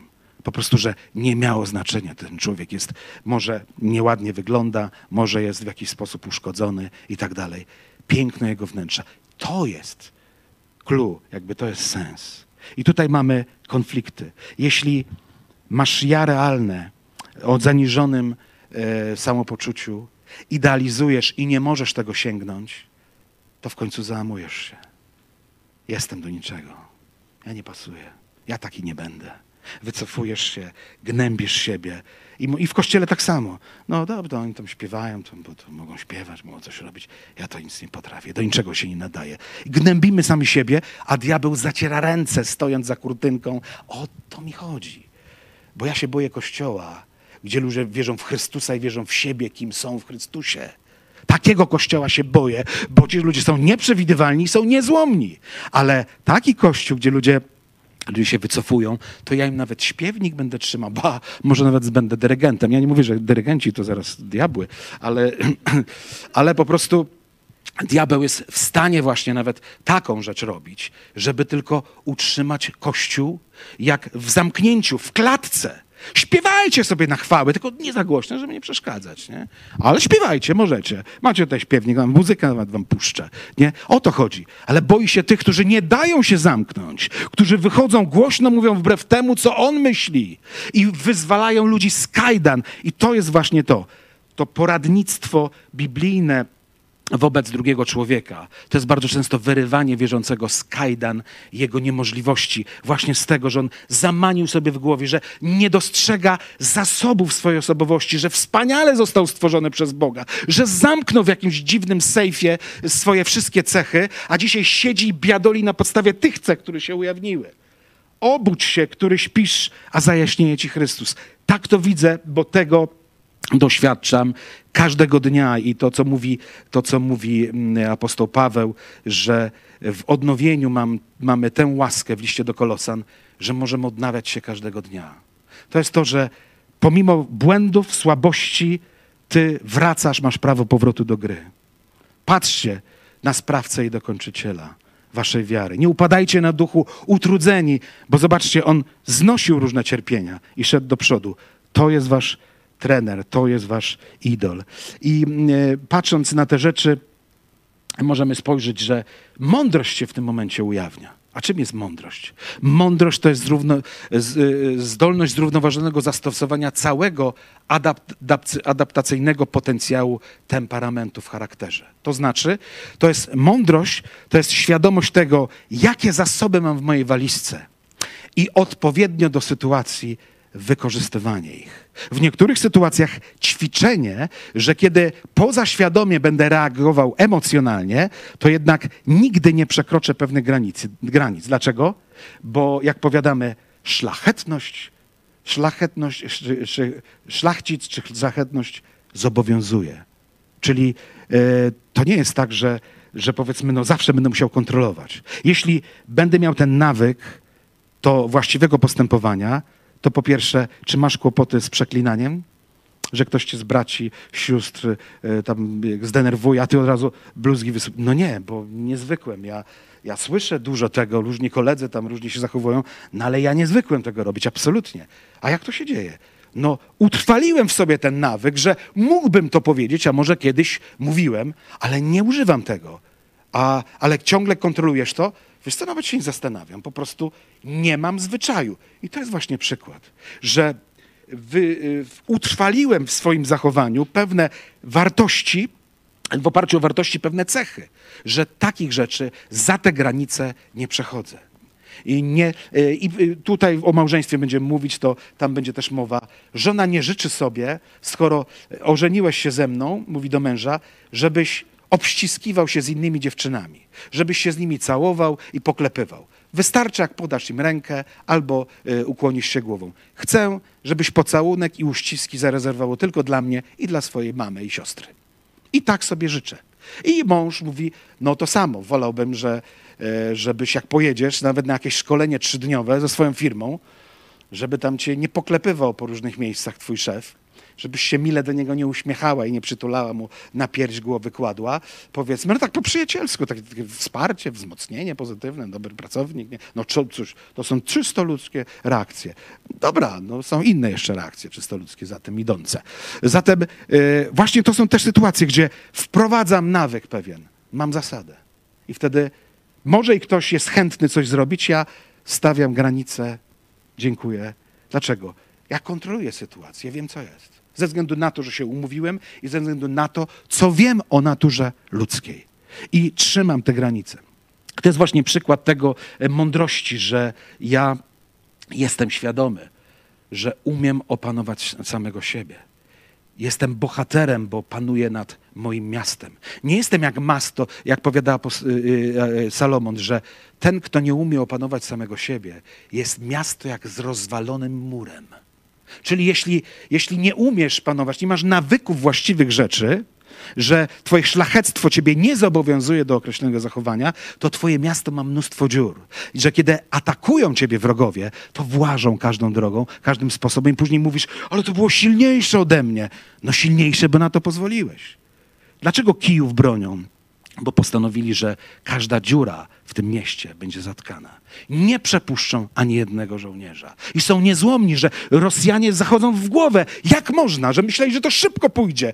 Jest taka determinacja, że sami zaczynają bać się tych kozaków, co może być dalej. I to jest właśnie przykład. Ale ty jesteś takim miastem.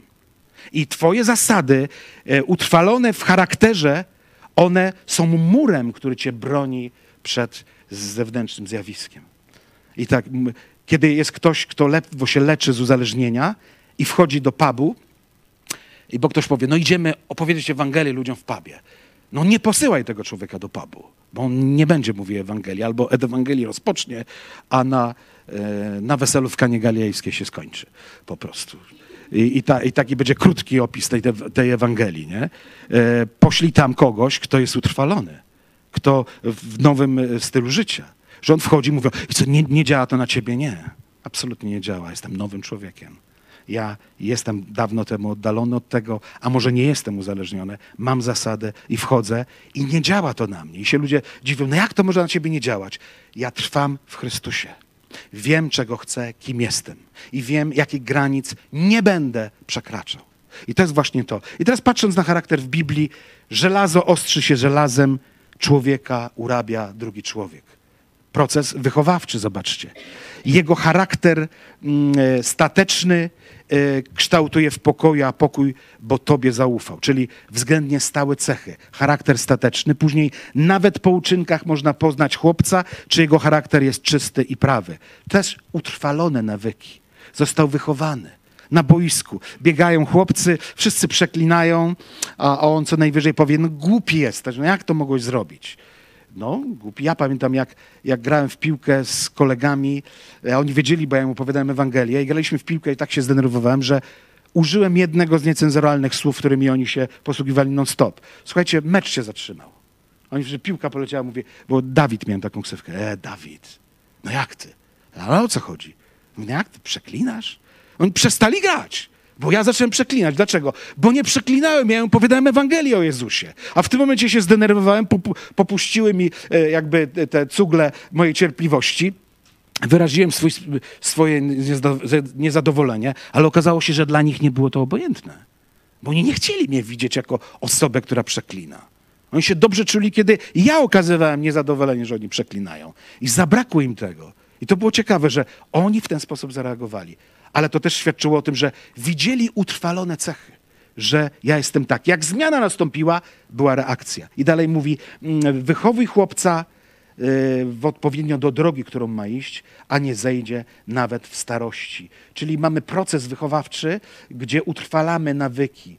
Potem mamy samoświadomość i kontrolę. Więcej wart jest cierpliwy niż bohater, a ten, kto opanuje samego siebie, więcej znaczeń zdobywca miasta. Cierpliwość zaznacza się, w cierpliwości zaznacza się mądrość, roztropność człowieka, a jego chlubą jest, gdy umie zapomnieć o krzywdach. To jest rzecz, którą, nad którą trzeba pracować. Ja sam pracuję też nad tym, żeby jednak nie dawać się z zmanipulować, jak ludzie czasami znają historię, jakieś przykrości, które mnie do, do, do, dotknęły i uderzają w to, a jak tam, tam, pamiętasz tam te rzeczy? No i czasami tak się rozczulają i to jest takie, takie po prostu kuszące. No, no, ktoś mnie rozumie, ktoś, ktoś się lituje, no, lituje, rozczula nade mną. Nie, nie, nie, nie. I właśnie tu jest zasada. Dobra, nie mówmy o tym. Było, minęło. Mówmy o czymś innym. Chluba, gdy umiesz zapomnieć o krzywdach. Dlaczego? Jeremiasz, trzeci rozdział treny, powiada. Wspominanie mojej niedoli jest jak piołun i trucizna. Sam siebie zatruwasz, jeśli pozwalasz sobie na powroty do tych złych rzeczy. Dlatego chlubą jest, gdy umiesz zapomnieć o krzywdach. Pospolitych babskich yy, baśni unikaj. Nie tego ba y, baby, kobiety zajmują się baśniami, mężczyźni też potrafią nieźle w tym zakresie zadziałać i nawet lepiej. Yy, zatem w ogóle nie trać czasu na zbędne i głupie rozmowy. Pracuj nad sobą.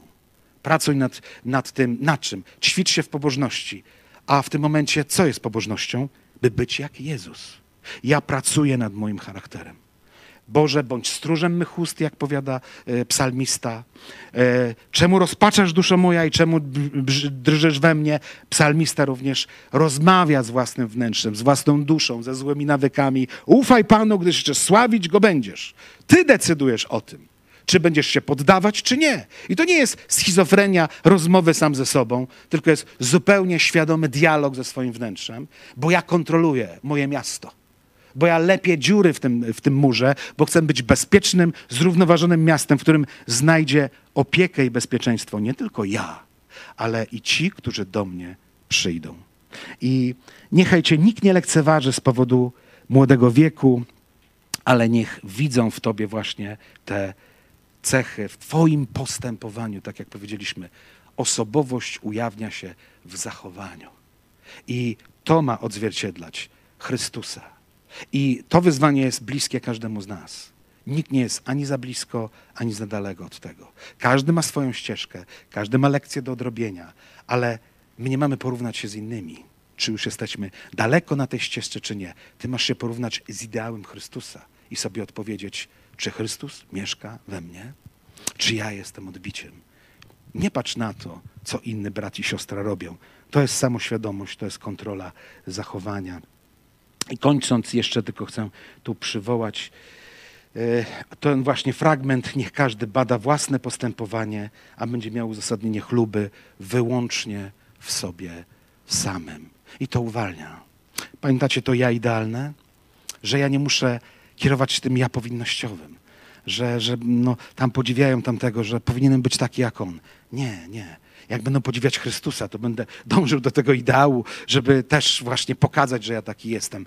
Ale ja wiem, jaki jestem. Ja jestem świadom swoich słabości, do nich się przyznaję, ale chcę, by też było widoczne to, co jest, co jest Chrystusowego we mnie.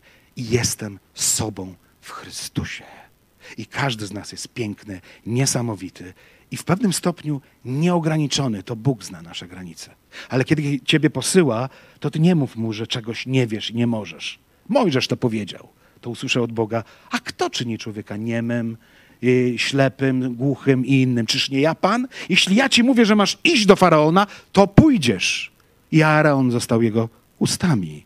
I okazało się, że nieumiejętność oratorskich yy, przemów Mojżesza w ogóle nie kolidował i Bóg nie zrezygnował z niego. Powiedział, no Mojżesz, rzeczywiście pomyliłem się, no z tymi baranami to ty zapomniałeś jak mówić, to ja wezmę twojego brata. No nie, upatrzyłem sobie ciebie. A Aaron, Aaron będzie narzędziem moim do twojej dyspozycji. Ale ty masz reprezentować mnie. To jest kolejny przykład. Słabości i ograniczenia nie zdyskwalifikowały Mojżesza. Spójrz na to z tej perspektywy. Jesteś wartościową osobą w oczach Bożych a On chce zdeponować Tobie i zdeponował skarb Jezusa, żeby był widoczny przez Ciebie. Twoja glina i kruchość w niczym nie przeszkadza. I tu polskie przysłowie na koniec. Czym skorupka za młodu nasiąknie, tym na starość trąci. Nasiąkajmy, kochani, Chrystusem.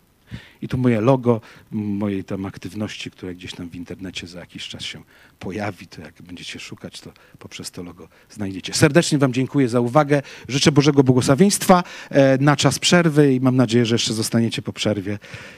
Dziękuję.